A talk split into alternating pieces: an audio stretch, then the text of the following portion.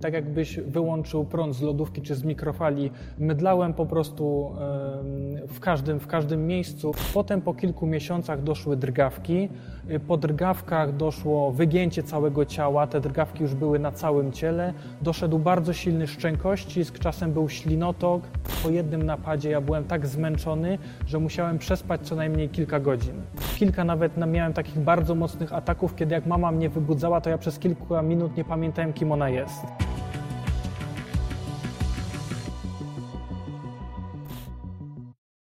Mając 17 lat zachorowałeś na padaczkę. Jak zmieniło się twoje życie? Wiesz, tak naprawdę zmieniło się wszystko, będąc y, przed drugą klasą liceum. Chciałem, wiesz, imprezować, spotykać się ze znajomymi, myślałem o maturze, o przyszłych studiach, y, o karierze i o planach na przyszłość. A tak naprawdę, no, przy, jak pojawił się strach, nowa choroba, y, strach w oczach moich rodziców, bo było to coś dla nas wszystkich zupełnie nieznanym, ponieważ tak naprawdę y, jaką, to, jaką mam chorobę i na co choruję, odkryliśmy dopiero po jakichś kilku, co najmniej po jakichś kilku miesiącach, ponieważ te objawy pojawiały się coraz nowe i można było sklasyfikować tę epilepsję, więc no, nie byłem w stanie zrobić tak naprawdę nic. Czyli początkowo nie było wiadomo, co się właściwie dzieje. Y, Tak, dokładnie. Początkowo wyglądało to zupełnie mm, tak, że po prostu szedłem i tak jakbyś wyłączył prąd z lodówki czy z mikrofali. Mydlałem po prostu w każdym, w każdym miejscu i y, wybudzałem się po kilku minutach. Wiadomo, że ktoś mi zawsze pomagał, ale no kompletnie nie wiadomo było o co chodzi. Co myśleli lekarze? Co podejrzewali? Y, Wiesz co, najczęściej wiązało się z tym, że bardzo szybko rosłem, narządy, narządy nie, do, nie nadążały za tym wzrostem, więc jeździliśmy na początku do y, lekarzy i specjalistów w zakresie kardiologii, ponieważ najczęściej z tym wiążą się omdlenia i zostało to zakwalifikowane jako omdlenia wazowagalne, czyli związane z y, dorastaniem. I to właśnie na tych omdleniach polegały ataki twojej padaczki. One się później zmieniły? Wyglądały E, inaczej tak, z czasem? to się zmieniło potem tak, że po kilku miesiącach, ja będąc w jednym ze szpitali, ponieważ to już był któryś e, szpital pod rząd, e, na oddziale kardiologii dostałem drgawek z, nieprzytom, z nieprzytomnością i tak naprawdę wtedy doszedł ten główny objaw, który tak naprawdę lekarzom mógł powiedzieć, że można to zakwalifikować albo podejrzewać epilepsję. Jak często powtarzały się takie ataki? E, Wiesz, po tym pierwszym pół roku zdarzały się one bardzo często, jakoś do kilku razy dziennie. W najgorszych momentach zdarzało mi się, e, po półtora roku były już takie dwa dni, kiedy miałem niecałe 40 napadów w dwa dni. Czyli właściwie byłeś wyłączony z życia.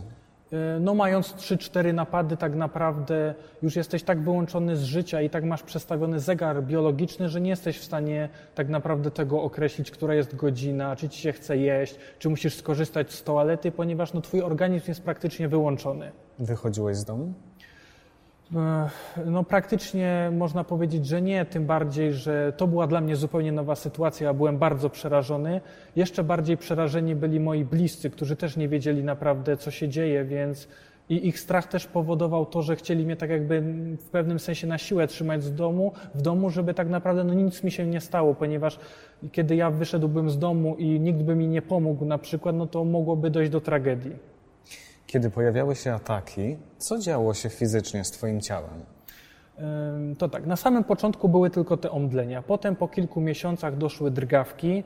Y, Po drgawkach doszło wygięcie całego ciała. Te drgawki już były na całym ciele. Doszedł bardzo silny szczękościsk, czasem był ślinotok. No tak naprawdę mm, ciężko było w ogóle do mnie podejść, ponieważ no, drgawki sprawiają to, że nie kontrolujesz, nie kontrolujesz swoich ruchów. Niektóre ataki miałem tak, że byłem przytomny, więc mniej więcej y, byłem w stanie, y, widziałem otoczenie, słyszałem, ale nie byłem w stanie się komunikować y, z wszystkimi dookoła, a czasem mi były takie ataki, że no ja miałem te napady nieprzytomności, no i y, wybu- wybudzałem się dopiero po kilku minutach i no zanim mm, zanim tak naprawdę doszło do tego, doszło do mnie, co naprawdę co się stało, że miałem napad, no to mijało do kilkunastu minut. Mówisz, że zdarzało się, że zachowywałeś świadomość. Co czułeś? Czy, czy czułeś ból? Co jest w głowie człowieka, który doświadcza czegoś takiego? Wiesz? Obserwuje tę sytuację To i jest- swoje ciało. No tak, to jest bardzo przerażające. Wiesz, u mnie na szczęście było to, że to był, to był napad taki po mniej więcej półtora roku, więc ja już, wiesz, byłem w miarę z tym os, y, oswojony. Wiedziałem, co się dzieje z ciałem, wiesz, dużo też czytaliśmy książek, wiesz, wiedza własna, już było tyle spotkań z lekarzami, że też mniej więcej umiałem już wyczuć w swoim ciele, co się będzie działo mniej więcej, ale zdecydowanie, jeśli już masz ten atak, jesteś przytomny i nie kontrolujesz tego swojego ciała, nie jesteś w stanie nic zrobić, wiesz, widzisz tych swoich, widzisz tych swoich bliskich, którzy do ciebie ci, wiesz, którzy z tobą rozmawiają, zaczyna sinieć ci skóra, ponieważ nie, masz bezdech, bezdech i taki bezdech do 30 sekund z reguły jest normalny. Jeśli pojawia się on dłużej, no to już trzeba dzwonić po karetkę, ponieważ no nie jest już to normalne, aczkolwiek jeśli masz na przykład napad za napadem, to dzieje się tak, że masz bezdech, napad, jest chwilka przerwy i kolejny znowu bezdech i znowu napad, więc no... Mm, a jak już kończy się napad, to cały ten ból z ciała, jeśli się gdzieś uderzyło, bardzo często zdawało, zdarzało mi się tak, że miałem też napady w aucie. Więc wiadomo, jest to mała przestrzeń ze, ze ścianami, drzwiami, więc objąłem wszystko tak naprawdę, co było z boku i nie czujesz tego w czasie napadu, czy jesteś przytomny, czy nieprzytomny. Dopiero potem, jak już jesteś w stanie, y, dochodzi do ciebie to, co się stało po napadzie, cały ten ból y, i te nerwy tak naprawdę wracają do, wracają do normalnego stanu i to dopiero to odczuwasz i w pewnym sensie chyba to jest najgorsze. Zdarzyło Ci się dostać ataku w miejscu publicznym? Tak, było to kilkakrotnie. Mam taką jedną przykrą sytuację. To było E, kiedy już moi rodzice widzieli, że wiesz, trzy czy cztery tygodnie nic się nie działo tak naprawdę, no to wiadomo, że nie będą mnie zatrzymywać na siłę w domu. Ja też sam do szkoły chciałem chodzić, ponieważ brakowało mi tego kontaktu ze znajomymi. Wiadomo też, oni też nie byli, oni też nie byli oswojeni z tą sytuacją, więc też część znajomych jednak się odwróciła, nie chciała rozmawiać. Tak naprawdę najważniejsza była w tym momencie dla mnie rodzina przez cały okres choroby no ponieważ ja z tymi znajomymi chcąc czy nie chcąc, tak jakby nie miałem też kontaktu, nie ponieważ nie chciałem albo oni nie chcieli. Dla nich to była nowa sytuacja, więc po prostu się bali, a ja przez chorobę też nie byłem w stanie czasem się z nimi kontaktować. I wychodząc z domu do szkoły, e, jakoś mniej więcej w połowie drogi miałem tak, że wychodząc z domu była droga mniej więcej 100 metrów w dół i był dworzec PKS. To był taki punkt w drodze do szkoły i to było ostatnie, co pamiętam, że wyszedłem przez furtkę i potem obudziłem się też już nie wiem jakiś czas, właśnie na tym dworcu PKS na Łeweczce. I tak Czyli na... tam dostałeś ataku, tak? Nie pamiętam nic, odkąd wyszedłem z domu, więc najprawdopodobniej zemdlałem już będąc w drodze. Jak obudziłem się, byłem na tym dworcu PKS. Wiadomo, że byłem osłabiony, tak naprawdę nie dochodziło do mnie jeszcze, co się stało, więc zanim tak naprawdę ja dojdę do siebie po takim napadzie, pamiętam tylko, że leżałem na ławce i że wiesz, byłem zmęczony, więc zamykałem oczy, lekko przysypiałem. Tak naprawdę wyglądałem trochę jak pijak albo nastolatek po dopalaczach, nie, nie umiem dokładnie tego określić. No pamiętam, że no wiesz, PKS jest takim miejscem, że przechodzi tam kilkaset osób w godzinę, czy nawet kilka tysięcy i tak naprawdę mm, najgorsze było to, że nikt się nie zainteresował, nikt, nikt nie podszedł zapytać się, czy wszystko ok, wiesz, nawet ja tak nie, nawet nie wyglądałem, wiesz, normalny nastolatek, w normalnych ubraniach, no tak naprawdę musiałem po tej godzinie zadzwonić, jak już doszedłem do siebie, zadzwonić tak naprawdę do mamy, która tak jakby była 100 metrów wyżej w domu i ona musiała zbiegać na dół tak naprawdę w jakiś sposób mi pomóc. To była jedna taka sytuacja. Czy, czy takie ataki w miejscach publicznych się powtarzały? Pytam o to, bo zastanawiam się, jak ludzie zachowują się w podobnych sytuacjach. E, było jeszcze kilka takich sytuacji. Na szczęście ta była tylko taka jedna, kiedy ludzie mieli taką kompletną znieczulicę, że nie byli w stanie podejść. Z reguły zawsze się ktoś podejdzie, zapyta.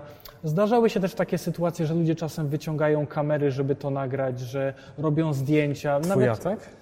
Tak, nawet mimowolnie. Wiadomo, że no ja... Bo coś się dzieje, tak? Tak, dokładnie. I nie podejdą, nie zapytają. Albo jak już jest ktoś osoba, no to się robi, wiesz, kółeczko ludzi dookoła i zamiast oni pomóc, zapytać się, czy coś nie trzeba pomóc, no to wiesz, wyciągają aparat telefoniczny, a za dwie minuty już ich nie widzę, wiesz.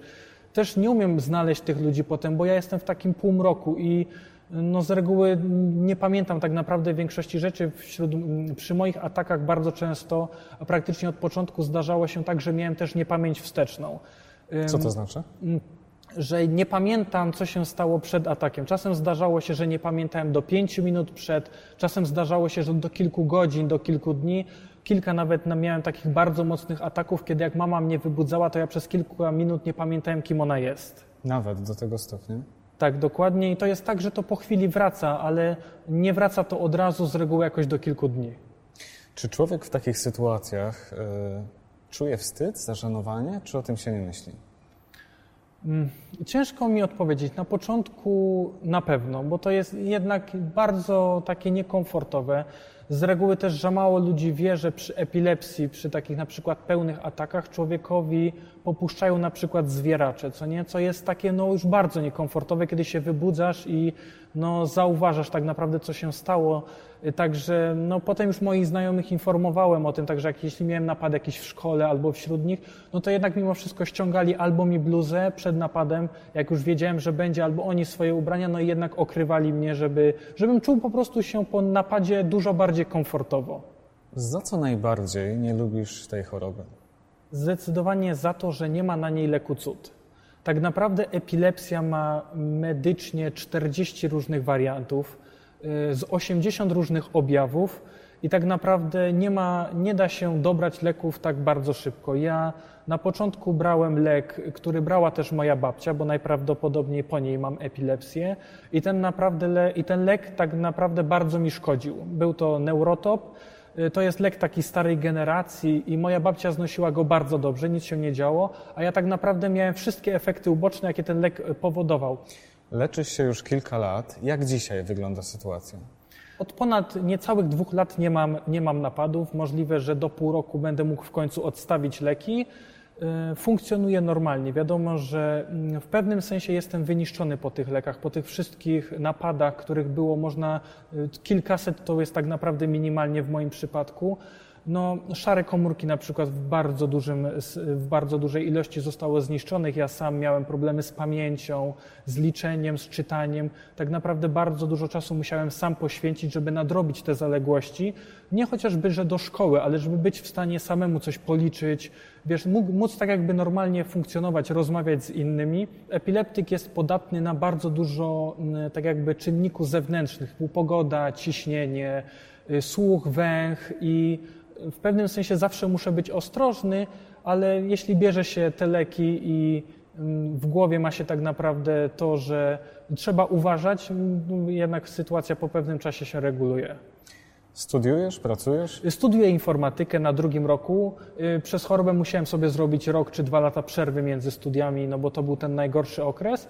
Aczkolwiek teraz studiuję, założyłem z kolegą firmę, y, wszystko idzie bardzo prężnie, y, spotykam się ze znajomymi normalnie, nic się nie dzieje. Tak naprawdę jedyne, co mogłoby mi sprawiać problemy, to jest to, że musisz zawsze pamiętać o tych lekach co 12 godzin, że te leki czasem też powodują efekty uboczne. Najgorzej jest z wątrobą i z żołądkiem, ponieważ no, te leki nie są, nie są miłe dla tych organów i ja cały czas chodzę z zapaleniem tak naprawdę, którego nie będę w stanie wyleczyć, dopóki nie, dopóki nie odłożę leków. A nie można brać e, tak jakby osłon na żołądek, ponieważ lek się będzie mniej wchłaniał tak naprawdę, zapobiegnie to jego wchłanianiu, więc mógłby mi, e, mogłyby ataki powrócić. Czy udaje Ci się zapominać o tym, że jesteś chory, czy jednak jest to ciągle w tyle głowy? Y, udaje się, aczkolwiek wiesz, co 12 godzin, jak zawsze bierzesz lek, to i tak zawsze o tym pomyślisz, bo tak naprawdę nie wiesz, co będzie za 5 minut. To jest tak, że zapomnę się raz, zrobię coś źle, nie wezmę leku, dawka leku we krwi się zmniejszy i tak naprawdę napady mogą znowu powrócić. Z epilepsją jest ten problem, że jeśli napady powrócą, to one, one wracają bardzo spotęgowane i wtedy już nie będę w stanie tego, mogę już nie być w stanie tego wyleczyć. W Polsce kilkaset tysięcy osób jest chorych na, na epilepsję. Jak się zachować w sytuacji, kiedy ktoś na naszych oczach dostaje ataku padaczki? Wiesz, niestety tu sprawa jest bardzo skomplikowana, ponieważ no, tych rodzajów epilepsji no, jest bardzo dużo. Każdy ma inny objaw i tak naprawdę od tego, jaki jest objaw, to tak trzeba byłoby zareagować. W tych wszystkich przepisach, co się czyta na internecie, co uczą ratowników medycznych, to wiesz, zawsze jest pozycja boczna ustalona, przechylić e, głowę w bok i podeprzeć, podeprzeć rękami e, głowę albo dać na kolana. Niestety przy najczęstszych objawach napadów, te, które występują, czyli objawy, kiedy jest, kiedy jest drżenie całego ciała, jest odchylenie do tyłu, jest szczękościsk, ślinotok, tak naprawdę no, nie jesteśmy w stanie wykonać z żadnych tych czynności, które człowiek dowie się na internecie. Tak też było w moim przypadku. Czyli co, nie robić nic? No właśnie to jest tak. Na pewno musimy zachować spokój. Jeśli jest to w miejscu publicznym i nie znamy tej osoby, zawsze trzeba wezwać pogotowie. Jeśli już chcemy pomóc, bo tak naprawdę wtedy też, jeśli nie wiemy, jak, jak zrobić wszystko poprawnie, my też ryzykujemy swoim życiem, ponieważ no tak jak ja miałem też bardzo dużo takich sytuacji, że ludzie podchodzili, chcieli mi pomóc, ale robili to z bardzo złej strony, że podchodzili od boku, a ja na przykład zamachnąłem się ręką i byłem w stanie, wiesz, ogłuszyć takie osoby albo uszkadzałem sam siebie przypadkowymi uderzeniami, więc zdecydowanie zawsze trzeba podejść od strony głowy. Można uklęknąć, tak jakby jak w, naj, jak w najdalszej odległości, po prostu zapleść ręce w koszyczek i przytrzymać tylko głowę. Nie będziemy w stanie przytrzymać rąk i nóg, y, ponieważ siła jest tak duża tej osoby, że no, ta osoba mogłaby walić nami na prawo i lewo. Najważniejszą rzeczą jest, jeżeli chcemy pomóc epileptykowi w czasie napadu, jest zabezpieczenie tej głowy, żeby chory nie doznał jakiegoś urazu mechanicznego. Chociaż jeśli chcemy też, żeby ta osoba poczuła się komfortowo, możemy przykryć, y, jej, przykryć ją jakąś bluzą, kocem, czy po prostu tym, co mamy pod ręką. A jakich błędów na pewno nie powinniśmy popełniać? Bezwzględnie nie należy wkładać nic, nic do ust chorego palców, y, patyków, łyżek. Z takimi przypadkami też się spotkałem, ponieważ jeśli chory ma szczękościsk, to siła nacisku w pewnym momencie dochodzi do kilku ton i może, możemy, nasz palec może zostać odgryziony, możemy uszkodzić tą osobę, więc to jest tak jakby główny, główny, główny mankament. Nie należy, jeśli ta osoba coś jadła, też nie należy wyciągać tego jedzenia, dawać wody, żadne z tych rzeczy. W ogóle najlepiej nie zbliżać się po prostu do ust, ani też nie podchodzić od bocznej strony, ponieważ możemy sobie zagrozić. Kuba, wielkie dzięki za tę rozmowę. Dziękuję.